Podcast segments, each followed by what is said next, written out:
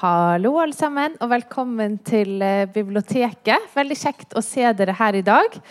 Eh, I dag skal vi ha serien Foreldre og barn, som vi har hatt eh, en del ganger tidligere. Eh, vi har bl.a. hatt Vigdis Hjort og datteren Line Hjort. Vi har hatt Einar Økland og datteren Siri Økland. Og ikke minst Kjartan Fløgstad og sønnen Aslak Nore. Og i denne serien så intervjuer vi foreldre og barn som også er skapende i en eller annen grad. Og i dag er vi veldig glad for å ha med oss Tormod Haugland og Ulrik Haugland. Eh, som er da far og sønn, for de som ikke visste det. Eh, ja, og vi skal prate litt med de om eh, deres liv og kunstnerskap og foreldrebånd og være far og være sønn og alt som er imellom. Og så må jeg bare si at det er bare lov å eh, hoie til de barn, eller eh, bestille dere og bråke, og ikke være redd for å ta dere en tur på dos eller ikke. Det er ikke noe sånn eh, høytidelig, fin stemning. Bare ta plass. Og hvis dere har noen spørsmål eh, etterpå eller underveis, så er det også bare å eh, vinke med armen. Så kan vi også si det at eh, Mitt navn er Maria Amdam, og dette er Charlotte Myhrbråten. Og vi jobber her på biblioteket i programavdelingen. Så da tenker vi bare går i gang. Eh, velkommen til dere. Tusen takk for at dere ville komme. Tusen takk. Ja. Har dere vært med på noe sånn tilsvarende greier som dette før? Eller er det første gang? Det er første gang vi opptrer sammen. Ja. Mm. Første, men kanskje ikke siste. Nei. Du Tormod, du har jo eh, opptrådt utrolig mye i det siste. Du har jo vært på fest på fest og arrangement på arrangement fordi du har vært eh, årets festspilldikter for andre gang. Det er det ikke så mange som har vært, som både var i fjor, men òg i år. Fortell, hvordan har eh, disse dagene vært? Hvordan kler det personligheten din å bli hylla av eh, forfattere og tilreisende og ja, i tre-fire dager til ende? ja, nei, det er jo eh, Det er jo noe en ikke kan regne med skal skje, men eh, når det først skjer, så er det jo veldig kjekt å få mulighet til å invitere gode forfattere og sitte og prate og høre de lese. Så det er jo det er jo en fest, så jeg må jo prøve liksom å ta imot det som en fest òg. Og, og, det var veldig kjekt. eh, og Eh, det var akkurat som eh, sommeren kom til Bergen, og alt var liksom eh, Så det var spesielt. Men eh, den eh, Tormod som gjerne opptrer i bøkene dine, han er jo gjerne litt sjenert og litt sånn eh, Ja, ikke hopper rett på alt, men litt sånn grublende og ettertenksom. Men så liksom bilder av disse festspilldagene. Da står du på Litteraturhuset i knallgul skjorte og er liksom eh, virkelighet, virkelig oppmerksomhetens eh, senter. da. Eh, kan du ikke si noen ting om det der? Har du mista denne sceneskrekken? Har du har bylivet liksom eh, kurert eh, alt det tilbaketrukne og eh, litt stille som mange kanskje kjenner fra bøkene dine? Ja, nei, men altså eh, Jeg har jo i meg flere typer altså Flere Tormoder. sant? Og, og, og sjenansen er jo sånn altså Sånn er det jo i livet. altså Du går inn og ut av forskjellige roller, og av og til må du være sosial og ta deg sammen. Og, sånt, og andre ganger så kan du få lov å sitte i fred og skrive og liksom kjenne på litt andre eh, sider og stemninger. ikke sant? Og eh, det er jo virkelig sånn at eh, jeg tok meg sammen. da. ja, så eh, eh, Du er egentlig ikke en sånn showkar som tar deg sammen når du er på Radøy og bygger gjerder og luker i bedet og sånn. Det er ikke da du tar deg sammen? Den siste boka mi handler bl.a. om vanskene med å ta imot en genser. ikke sant? Eh, Og liksom Hvor vanskelig det har vært for hovedpersonen å skulle på en måte møte denne gaven med en gjenyting. da, altså. Så da sitter jo han i stort dilemma som han ikke greier å løse på noen annen måte enn å skrive et halvgodt dikt i beste fall. Og, og det, det, er veldig sånn eh, Og jeg bare kom til å tenke på det, for da, da å bli utnevnt som festbedrift er jo òg på en måte en stor gave da, som en aldri hadde venta seg, og heller ikke har noen eh, erfaring med å, å, ta imot. Så, så det gjør jo at du på en måte må, må virkelig ta deg sammen. Da. Så eh, da, jeg er jo inhabil, men eh, det var noe men eh, dere fortjener en eh, skikkelig introduksjon. Eh, vi har vært litt inne på det nå og avslørt da, siden Tormod tross alt har vært festspilldikter. Men eh, Tormod er forfatter, debuterte i 1994 og har siden det gitt ut romaner, noveller, dikt og dramatikk. Eh, og Ulrik her ved min side er for mange kjent som rapperen Carl Flamme. Han har bl.a. vært med i Urørt-finalen, gitt ut en rekke singler og samarbeidet med alt fra Snowboys, til Archivelli og Sorry og mange andre. Og virkelig en eh, fremadstormende ung rapper fra Radøy. Eh, så kanskje vi, vi må bli litt kjent med deg, Ulrik. Um, vokste opp med en eh, forfatterpappa, og dere har en mamma Eller dere. Du har en mamma som er billedkunstner, som heter Anette Kjerulf. Eh, hvordan Var det liksom helt naturlig for deg? Var du liksom utstyrt med malerpensel og skriveblokk fra barnsbein av, eller er dette sånn du har funnet ut av på egen hånd at du skulle skrive og uttrykke deg og Altså ja, jeg har ikke blitt pressa på noe kunst eller litteratur fra liten av. Eh, jeg hadde helt vanlige interesser som fotball og biler og sånn. Men eh, en forskjell var jo at eh, jeg var med på veldig mange kulturelle arrangement både i Bergen og Oslo og utlandet. Fordi siden jeg var enebarn og så snill og stille og rolig, så kunne jeg være med overalt. Så når foreldrene dine var på jobb? Ja, ja. på kveldsarrangement og sånn. Så f.eks. på Landmark så ble jeg eh, ofte kasta ut eh, etter så, så seint, fordi da oppdager de meg. Eh, som var liksom gjemt. Du hadde vært der hele dagen, ja, liksom. ja. Um, ja, så jeg trivdes veldig godt rundt voksne og bare være stille og høre på. Ja. Um, men det med at jeg fikk liksom virkelig interesse for uh, å være kreativ, kom egentlig mer i tenårene. da. Mm. Eh, kan jo bare avsløre at du og jeg har jo møttes før ja. på et skrivekurs. Yep, Flere ganger. Flere ganger, Som har holdt sammen med Jon Olav Nilsen. Og da må jo ikke du ha vært mer enn 16, 15-16. 15-16, ikke sant? Mm. Mm. Uh, og det er jo typisk sånn uh, Når man har holdt en del sånne skrivekurs, så ser man jo gjerne at det er litt sånn barn av eh, foreldre som jobber litt sånn i kulturbransjen, eller liksom, som gjerne har pushet litt på. Liksom sånn, 'Skal ikke du melde deg på et skrivekurs?' Sant? Det er jo ganske, sånn, en ganske skummel ting å gjøre for en eh, 14-15 år gammel mm. person. Mm. Eh, det er ikke noe liksom... hemmelighet at du, du omtalte jo alltid Ulrik som en favoritt på disse skrivekursene. Absolutt, men det skal man ikke si. Men, eh, men, hvordan var det? liksom? Var det noe du valgte selv, eller var det sånn Tormod fant for deg, eller? Jeg tror vi diskuterte det, og de var veldig positive. Fordi jeg hørte jo veldig mye på Razika og Jon Olav Nilsen. Mm. Eh, så jeg, det var jo på en måte, jeg så jo opp til dere som artister. Takk skal du ha. Eh, så da Det var et utrolig var ledende jo, spørsmål. jeg har jo litt for god mulighet til å liksom få et gratis skrivekurs. Så jeg måtte jo bare melde meg på, selv om jeg syntes det var veldig skummelt eh, de første gangene. Spesielt det at vi måtte skrive noe der og da, og så vise det fram. Sånn. Så det var jo det som eh, kickstarta litt alt, vil jeg si, egentlig. Mm. Men hvordan, Hva slags forhold har du til musikk, Tormod? Har du vært sånn som har vist mye musikk hjemme til Ulrik, eller?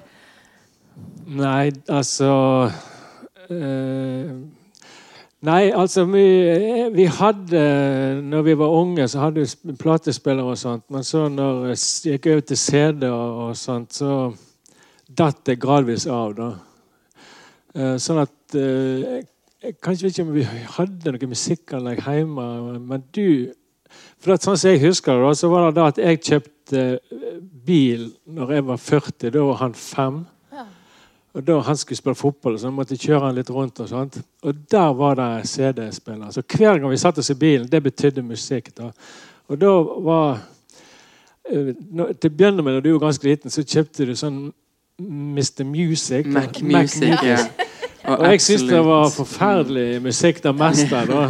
Og jeg lærte meg eh, dette ordet autotune. Mm. sant? Jeg visste jo ikke hva det var. Men det var en type lyd som jeg ikke kunne forstå. altså, hva, Det, det ødelegger alt. Sant? for det, det høres kunstig ut. Eh, sånn at eh, Men jeg, sant, som en eh, god far, så, så måtte jeg liksom la han få bestemme. da. Og da er jo en egenskap han alltid har hatt, at han, han er flink til å si hva han vil. Og, og, og, og, si imot hvis det er noen han uenig i. og sånn. Så eh, derifra kom vi til Eminem. Det var faktisk eh, Eminem var allerede Da hadde du kjøpt på bensinstasjonen. Eh, så det var noe Deke viste meg. Eh, så det er mitt første musikkminne. Det er Eminem i bilen på vei til barnehagen. Eh, med veldig kule banneord, da, som var det jeg på en måte skjønte da. Og så eh, var det bare Eminem Han var den eneste rapperen jeg hadde hørt på da, gjennom hele barneskolen, så jeg utvida ikke den interessen. Det var liksom Absolute Hits og Mac Music, og så Eminem. ja. Så um, ja, Eminem var liksom mitt forhold til rapp hele barneskolen. da. Og hvor eh, skjedde den brytningen hvor det ble mer enn Eminem? Det var i åttende klasse.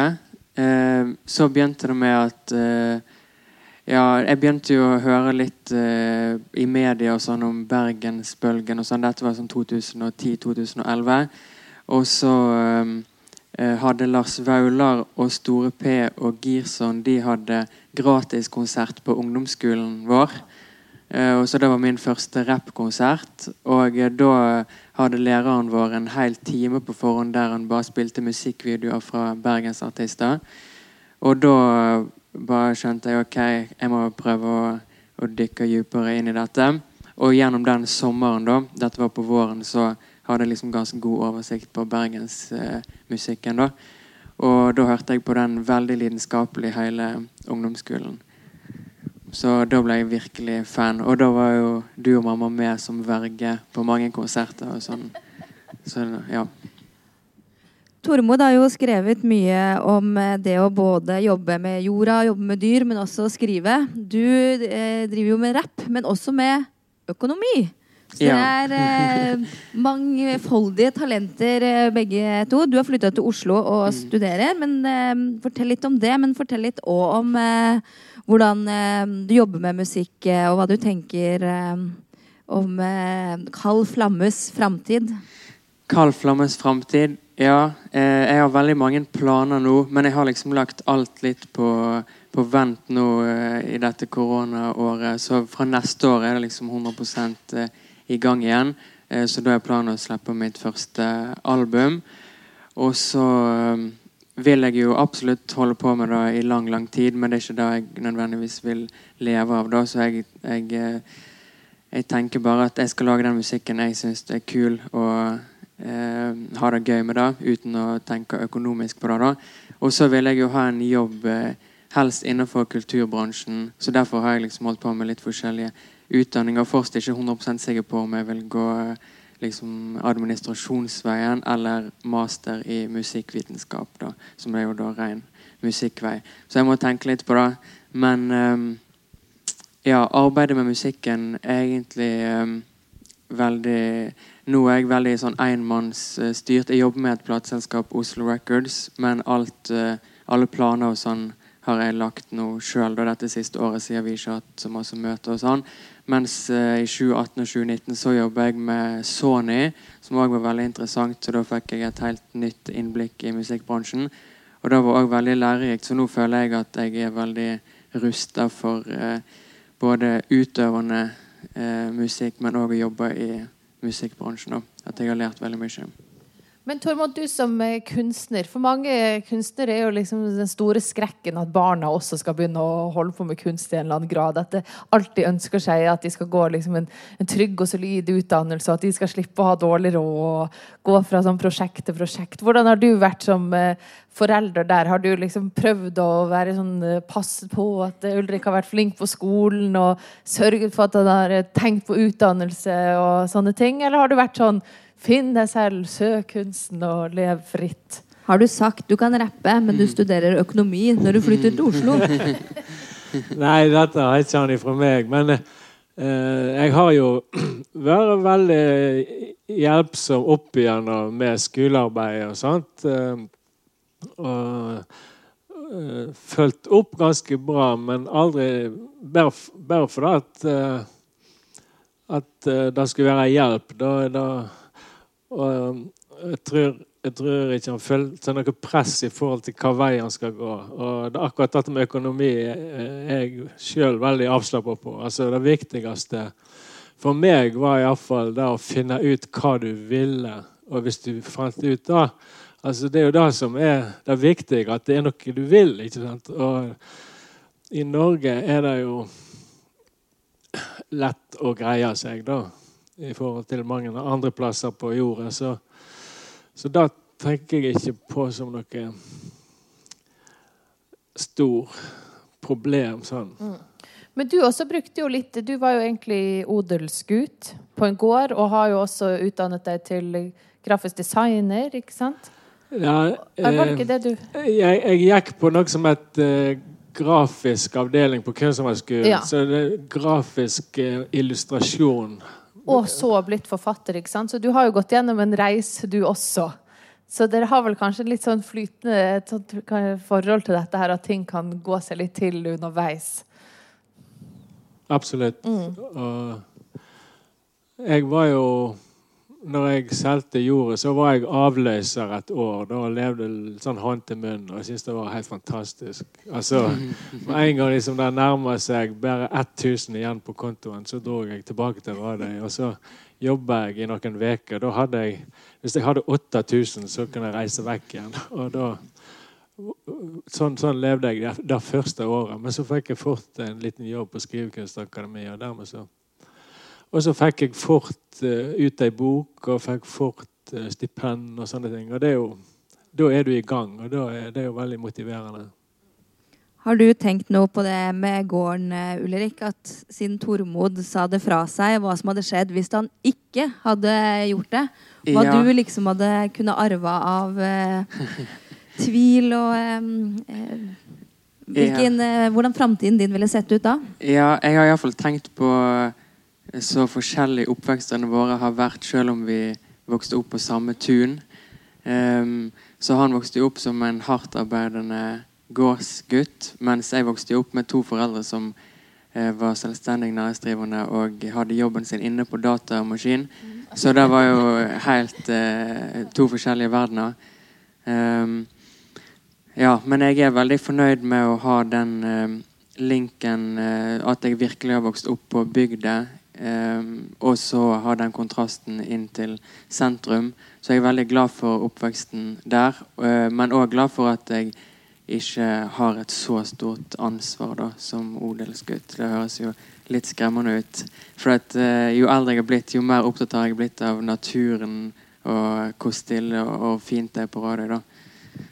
Så det er mer som et paradis enn en gården jeg tenker så mye på. Har du lest eh, bøkene til eh, faren din? Jeg har lest alle som kom ut liksom etter ja, at jeg ble litt uh, mer voksen, da, så kanskje fra ungdomsskolen eller sånn. Så jeg må jo tilbake igjen. Og så har jeg lest noen av de fra 90-tallet òg, men jeg, jeg mangler iallfall uh, sikkert halvparten der i midten, så jeg må tilbake og lese. Hvordan syns du det er å lese det? Jeg leste jo den nye boka i helga. Jeg rødma litt. Rødmer du litt eh, når du leser eh, bøkene? Jeg, jeg er kjempestolt eh, og når jeg leser bøkene. Og de tre siste har jo vært ekstra spesielle fordi eh, da kan jeg lære eh, mer om eh, oppveksten hans på Radøy. siden det er liksom veldig mm, inspirert av eh, virkeligheten. Um, så det, det er veldig spennende å lese da, om eh, oppveksten på Radøy og eh, samfunnet der på 70- og 80-tallet. For begge dere er jo Radøy et uh, spesielt sted i deres tekstunivers. Et slags sånn kjernepunkt omtrent. At er liksom Dere har veldig sterke følelser og stolthet uh, av plassen dere kommer fra. Og hvorfor har dette behovet for å viderefortelle om Radøy vært så viktig for dere i tekstene deres? Du kan eh, begynne hvis du vil. Nei, det tok jo eh, ganske lang tid før jeg kom dit at det var så spesifikt og direkte. Men eh, da at jeg kom fra Nordhordland og ikke Sunnhordland, der det liksom var tusen forfattere, ja. ja, da var jeg veldig bevisst eh, når jeg debuterte og når jeg begynte å lese. For det fantes jo nesten ikke litteratur fra Nordland. Og den første bygdeboka som ble gitt ut, kom vel i sånn 2005. eller sånn. Altså. Det var ikke noe sånn skriftkultur i samme forstand som i Sunn- Sunnhordland og andre plasser. Eh, sånn at eh, Det jeg tenkte rundt da, var at eh, det er noe med den der eh, myten om havstrilen som eh, du må på en måte være oppmerksom på. Da. Eh, så det har jeg liksom prøvd å bruke i de første bøkene mer som en væremåte. Altså måten å snakke på, måten å liksom eh, være i landskapet på. Sånn. Eh, landskapet har vært viktig for meg hele tida. Og, jeg innbiller meg at det er at eh, de tingene henger sammen. altså Væremåte og måte å tenke på, mentalitet. Og, altså Det er knytt til stad og forhold. da. Eh, og sant, jo mer jeg går inn i dette med det praktiske, det materielle, altså tingene sant? Et knes, knekt eh, måkeskaft eller eh, sånne, sånne små detaljer, da, så, så er det en sånn rikdom i, i detaljene da, som jeg har med meg gjennom alle de årene med tvangsarbeid.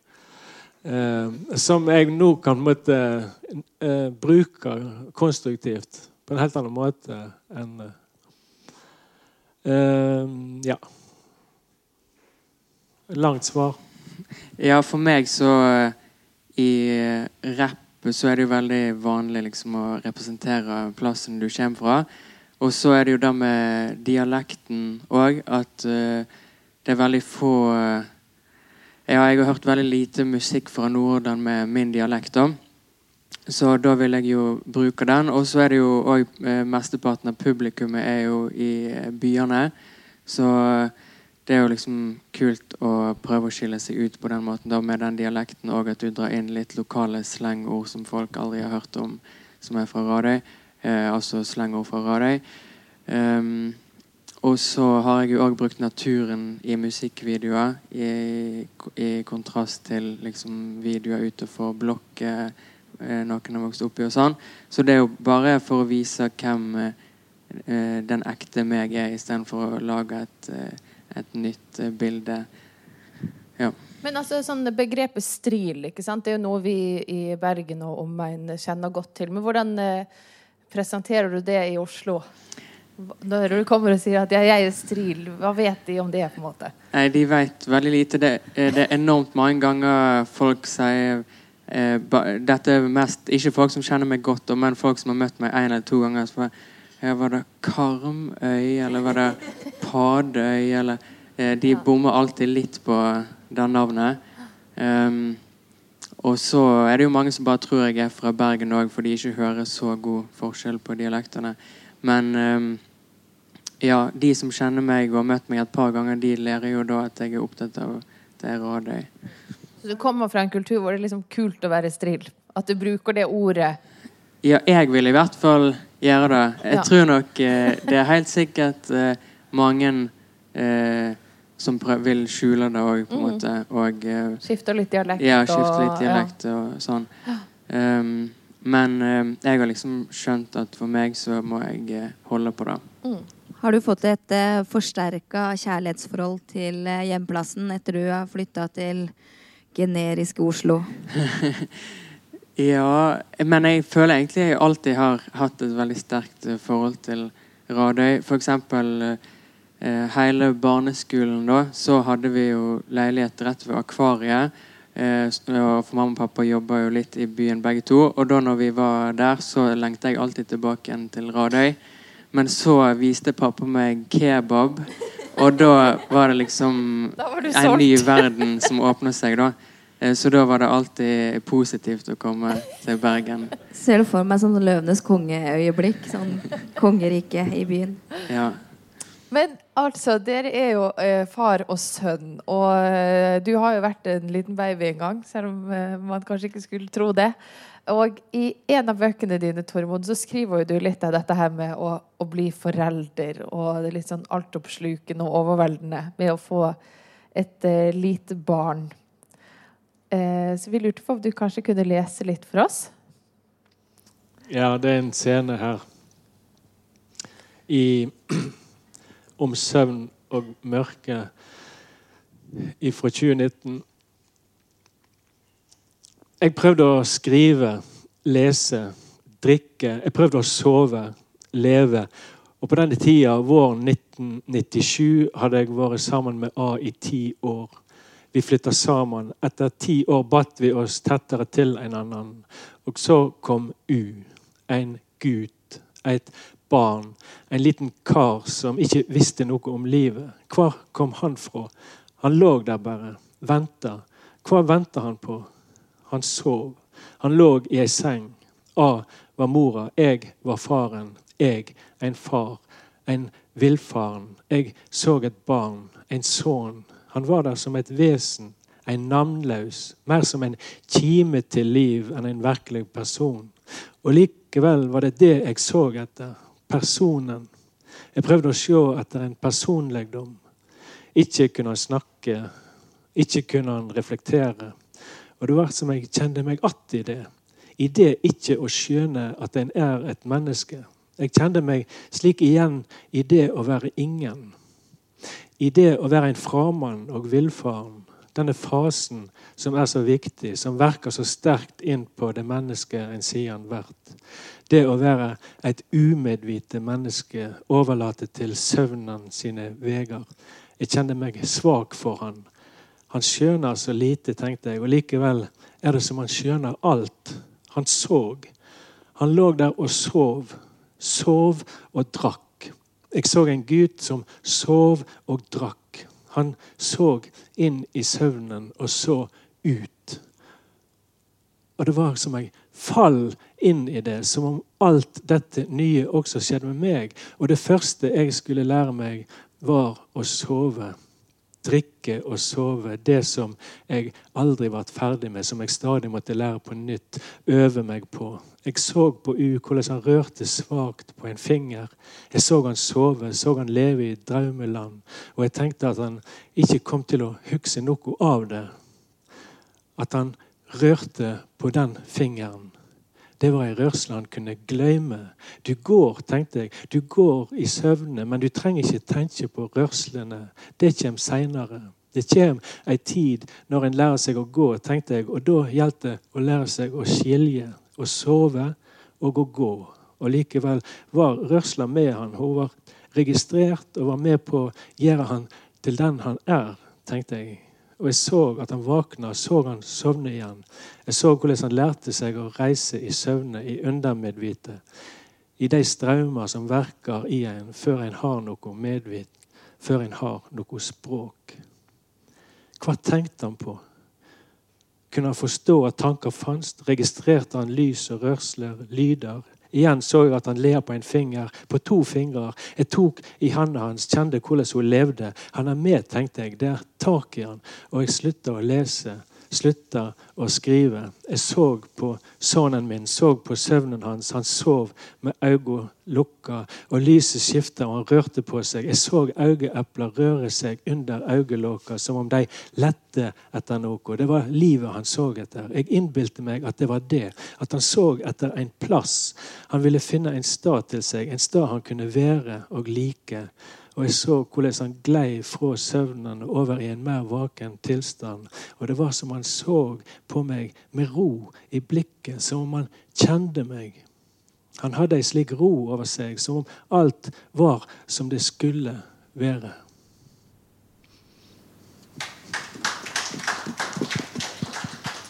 Tusen takk.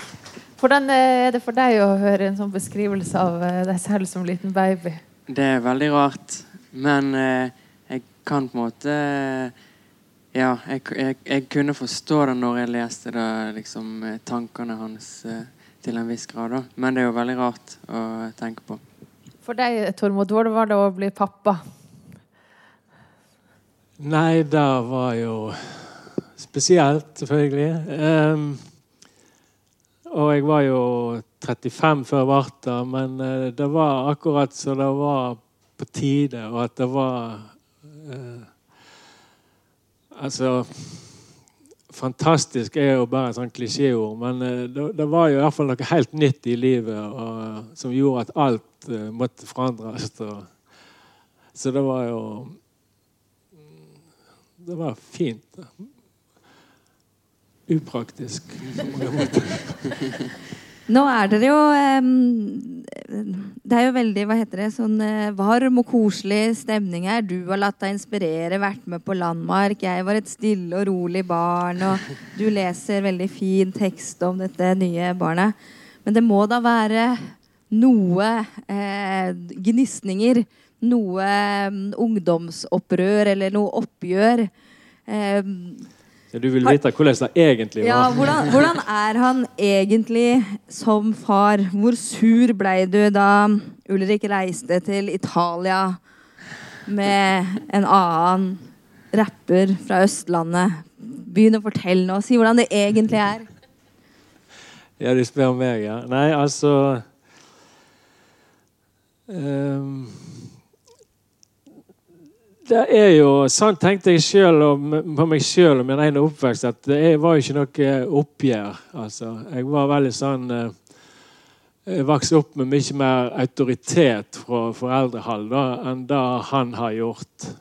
Eh, men da måtte jo læres av meg, så jeg måtte avlære meg en del sånne fakta. da å ta han hardt i armen, f.eks. Eh, han begynte å grine en gang, og da slutta jeg med det. Men altså den måten å være foreldre på som jeg opplevde at jeg vokste opp med, så det, gikk ikke lenger. Så det var liksom en ny tid. og Uh, og han har vært veldig flink til å si ifra og være bestemt. og, og sånn. Det har på en måte gjort uh, ting enkelt, enklere. Men uh, Nei, det verste er jo det verste er jo bare liksom angsten for at det skal skje noe galt. Sant? Og de der tingene som alle opplever. Så, eh, som han sjøl sa, altså, han har alltid likt å være i lag med voksne. Sant? Og likt å prate. Og sånt. Så han var veldig fort sånn veslevoksen type. da. Så kunne snakke om det meste. Og, og han hadde et ordforråd, husker jeg, når jeg gikk på, i barnehagen. Han hadde sagt 'jeg insisterer' en gang, og da måtte barnehagetanta forklare liksom, hva det betydde. Det var ingen andre som visste hva det betydde. Ja, men eh, de eh, Det var veldig mye jeg var fornøyd med. F.eks. Eh, at jeg eh, eh, fikk lov til å banne.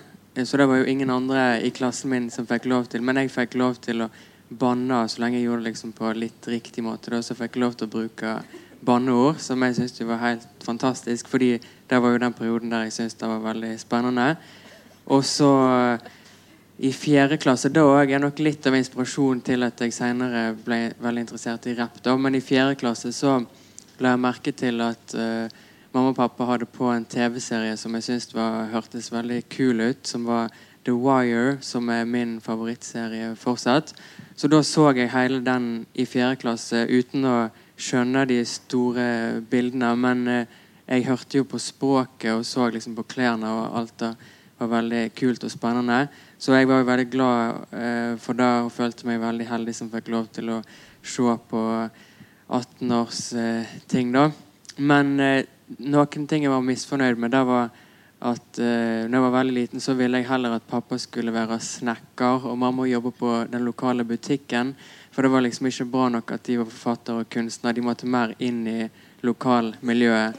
Så de må heller få jobb på butikken. Eller på Men at du syntes det var for svevende, liksom? Ja, ja.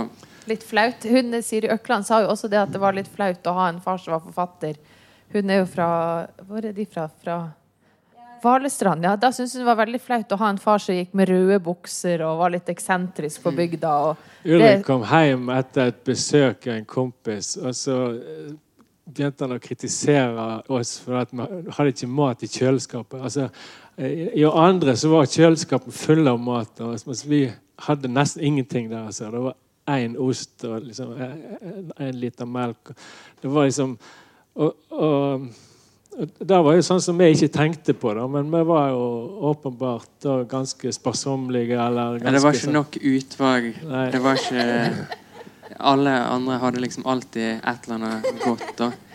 Um, men eh, ja, også en annen ting som mange kompiser spurte meg om, var hvorfor pappa alltid gikk i dress. For han var jo fotballtrener for laget vårt hele barneskolen. Og han I dress? gikk i dress hver eh, eneste kamp. Og eh, når han skulle hente meg på skolen, og sånn, så kom han alltid i dress. Og det var jo Da tenkte jo de andre bare, bare at eh, når du skulle pynte deg, så ja, Var han liksom bankdirektør, eller hva vil han være? ja, så da òg eh, Tryllekunstner. Men da var jeg ganske fornøyd med, egentlig. Da at han gikk i dress. Det var bare kult. Ja. Men eh, man sier jo litt at denne generasjonen som vokser opp nå, at det er liksom veldig lite av ungdomsopprør. ikke sant? At eh, vi har en generasjon som er veldig gode venner med foreldrene sine, og at foreldrene gjerne eh, lager sånne typer relasjoner nå, at de heller vil liksom, heller være på lag enn å skape konflikt og sånn. Hvordan har dere vært der? Har du liksom kjent den store trangen for å liksom rase ut på foreldrene dine og skjelle de ut og slamre med dører og rømme hjemmefra? Eller er det liksom bare vært sånn ah, de er mine beste venner òg. Ja, det er veldig kjedelig svar, men der igjen så føler jeg òg at uh, det er liksom overraskende hvor uh, enige vi er om ting. Så uh, bare nå de siste årene, når jeg skulle begynne med Kald flamme-prosjektet f.eks., mm. så det var på sommeren, så sa jeg at jeg måtte booke de inn til uh, inn på kjøkkenet i noen timer fordi jeg hadde noe viktig å vise dem. Bokke de inn til ja, kjøkkenet, faktisk? Ja. Og da hadde jeg funnet 30 beats fra franske produsenter. Mm. Eh, og så måtte de høre gjennom alle 30 beatsene. Og så måtte de rangere hver beat fra 1 til 10. Okay. For jeg måtte vite liksom hva publikum likte. da og det er publikum med mor og far. Ja, det var ja. første Er det kjerne, kjernepublikum? Ja, det var første Det var starten, og da gjorde de det. Og da var jeg veldig fornøyd med det. Så, så, de var veldig viktige egentlig i starten av det prosjektet òg. Selv om jeg da var jo 19. Mm. Så um, det viser jo litt hvor mye jeg har liksom hatt uh, respekt for deres meninger og, og likt å høre med de da. Mm. Du har jo skrevet eh, flere tekster som vi har snakket litt om, om Radøy eller om hjemsted og det å være seg selv. Også mye om eh, fotball. Hvordan ser ditt eh, tekstlige univers ut nå, nå som du går sulten og aleine rundt i Oslo? Eller har du masse utvalg av pålegg nå som Nord er aleine? Nå har jeg Jeg hadde egentlig mye utvalg, men så har liksom Når korona kom, og sånn, så har jeg egentlig funnet en uh, ny, litt sånn kjedelig, men veldig fornuftig formel å kjøpe inn liksom til fem dager i strekk, og sånn, sånn at det ikke blir så masse sånn Økonomistudent. Ja. Ja, ja. Så det er jo litt kjedelig, men uh, det føles veldig greit ut. Men um, ja, det er jo veldig spesielt å være ha, For jeg bor jo på Grünerløkka, som er jo et av de mest uh, urbane strøkene i Oslo. Så, Hele Norge, kan man ja, si. Ja, i Norge. Så um, den, jeg vil jo prøve å få fram den uh, kontrasten da, mellom Rådøy og Grünerløkka mm. litt. Mm. og så eh, fot, Nå blir det mer fotballreferanser enn fotball som hovedtema. Da jeg har jo hatt et par låter med fotball, som, fotball i fokus, som Mm. jeg eh, har vært veldig glad i. Men til det albumet neste år, da, så er det et eh, nytt eh, univers, da. Ja. Eh, kan du si noe om eh, dine inspirasjonskilder, sånn utenom Eminem og Utenom meg sjøl. ja.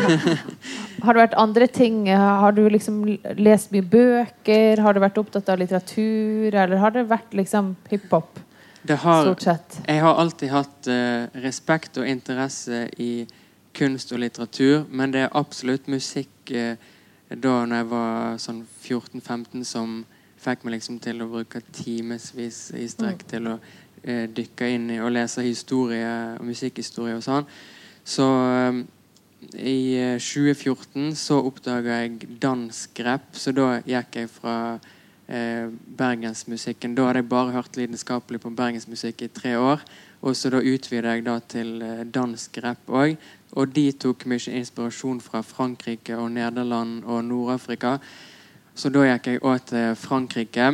Og det var ikke før da at jeg plutselig fikk lyst til å, å lage rapp sjøl. Ja. For det var så annerledes. For da hadde det gått litt at det danske skilte seg litt ut, mens det franske virkelig var noe nytt. da. Mm. Så da følte jeg at jeg måtte prøve noe sånt på norsk. For det var jeg Men da høres det ut som du skal gå en litt mørkere retning, kanskje.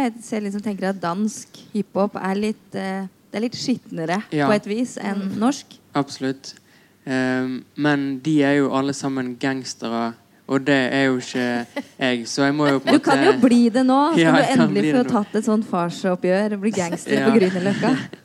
Så det er jo det er mer eh, lydbildet og melodiene og sånn jeg kan ta inspirasjon derfra, da.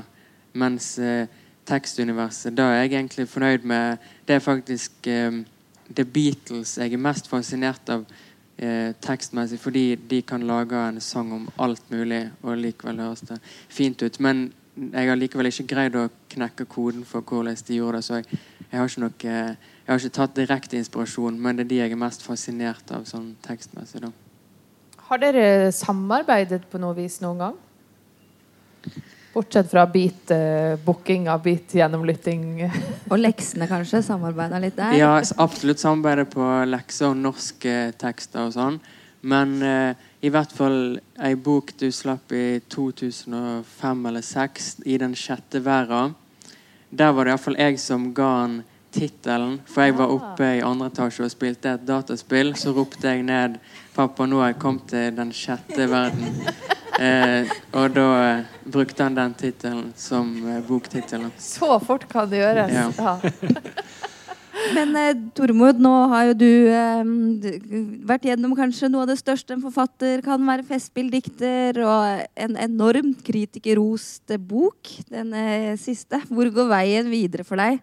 Skal du eh, ta det med ro og lage fanziner og grave i jorda på Radøy, eller har du noen enda større eh, romanprosjekter? Eller var dette her siste bok i trilogien? Nei, jeg må jo fortsette å skrive, selvfølgelig. Jeg er jo bare 59, så jeg, jeg kan jo skrive eh, mange bøker. Jeg tenker positivt, da. Og det er veldig mange forfatterskap som har sitt sterkeste tiår som 60-åringer. Ja. Så sånn tenker jeg. Da. Og Ulrik har jo vært vanskelig å skrive om. Sant? Jeg skriver liksom om den der øh, tingen der, men, men jeg har ikke Og det er folk som har etterlyst øh, noe om de årene som kommer etter, liksom. Og jeg har jo notert ting øh, Jeg husker jo forskjellige ting eh, som han så eh, Vi har jo måttet snakke om ting, men det er nok eh, jo nærmere du kommer de eier tid, jo vanskeligere blir det. på en måte da. Men det kan jo være en utfordring. Da. Det er jo nettopp derfor en må skrive om det, fordi det er så vanskelig. Så eh, Men det, det er litt skummelt òg, da. Men eh, jeg skal prøve. Og hvis ikke du får det til, så kan du skrive den store biografien om kald flamme. Fra en fars eh, erindringer. eh.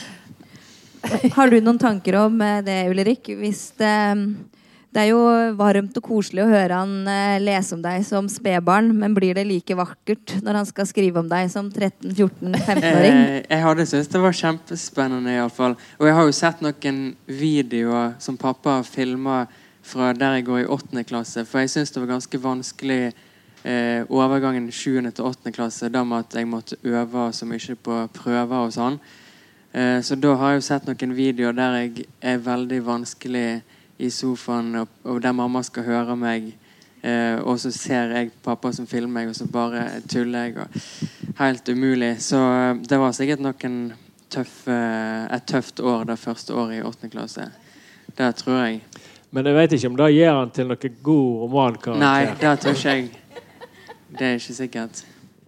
Det kan hende han ser ting som ikke du har lagt Ja. merke til. ikke sant? Det kan jo være litt skummelt. Mm. Eh, men dine prosjekter videre nå, det blir å jobbe med album? Ja. Ja. Og så har jeg liksom altfor masse For nå har jo jeg fått et helt år med bare planlegging uten gjennomførelse. Så da har det jo dukket opp veldig mange ideer, men det er det første som skal skje, ja. Du holder ikke med Brann også? Er det bare Liverpool? Liverpool, eh, det er hovedsakelig Liverpool. Ja. Og så er det nummer to For vi var en del i Italia òg i oppveksten, så da er det Juventus, Juventus, som nummer to. Og så Brann som nummer tre. Vi mangler jo en eh, stor, ny, eh, samlende Brann-låt. Ja, Det kan du ta med deg som en eh, utfordring. takk. Kanskje det er her det store samarbeidet skal komme? Jeg vet ikke, Er det noen som kanskje har eh, noen eh, kommentarer eller spørsmål? Eller sånn innlegg uten, som later som det er spørsmål, men som aldri får noen spørsmålstegn etter seg? Så er det mulig nå. Eller har dere noe dere lurer på? Til hverandre, så dere aldri har fått spurt hverandre om? Det var kjekt å treffe Kald Flamme. Endelig! Har du vært på mange Kald Flamme-konserter? Nei, Nei. altså De fikk ikke helt lov, egentlig, i begynnelsen. Ah, ja. Se, nå Så, kommer det. en stemme. ja, der er det jo litt sånn uh, ja, du ville helst ikke ha de i publikum? Nei. Nei. For uh, jeg spilte jo i et band hele mm, slutten av ungdomsskolen og videregående. Og der hadde vi jo ofte konserter på dagtid, og det var veldig koselig stemning. på en måte Så da, da var de flere ganger og så. Men så, når de rappkonsertene begynte å komme, så var jo gjerne på nattklubber og med en, helt annet, en helt annen stemning og publikum. Så da ville jeg ikke ha de der i begynnelsen. Mens nå, kan, nå hadde jeg nok vært mer eh, positiv, da. Så det var jo litt umodenhet fra min side, da. Nei, Men, men eh, det, mamma, det må være lov å si at det, det ikke alltid det passer å ha foreldrene med. Det, det får være ditt lille ungdomsopprør. ja. Nei, dere får ikke komme på nattklubb. ikke i dag, Det er for gamle. rett og slett. Hva hører du på Kald Flamme, da? Ja. Syns du han har et potensial som tekstforfatter? Har du noen råd på veien? ja, men det er jo òg noe vi samarbeider Altså, Han er veldig sånn og spør hva jeg syns, og, og Anette er jo veldig Altså, sånn tekstkonsulenter blir vi jo stadig brukt. Så, så eh, det, det, det kan jo alltid bli bedre, men jeg syns jo han har funnet noe som er interessant. Og som, Et sånn som baler med syns jeg er fantastisk flott. da. Eh, Men eh, han har mange fine tekster. Så hvis det, dere ikke har hørt Kald Flamme, så kan vi anbefale å sjekke ut det på internett. Eh, Da gjenstår det egentlig bare for oss å si eh, tusen takk for at dere kom, og takk for at dere kom og delte om deres eh, liv og eh, om hverandre. Den aller koseligste foreldre- og barn-duoen så langt. Ja, det må vi si. Mye hyggeligere enn Kjartan Fløgstad og Aslak Nore. Der var det mye, der var det mye gnisninger. tusen takk, og tusen takk for at dere kom. Ja, takk Tusen for oss. takk.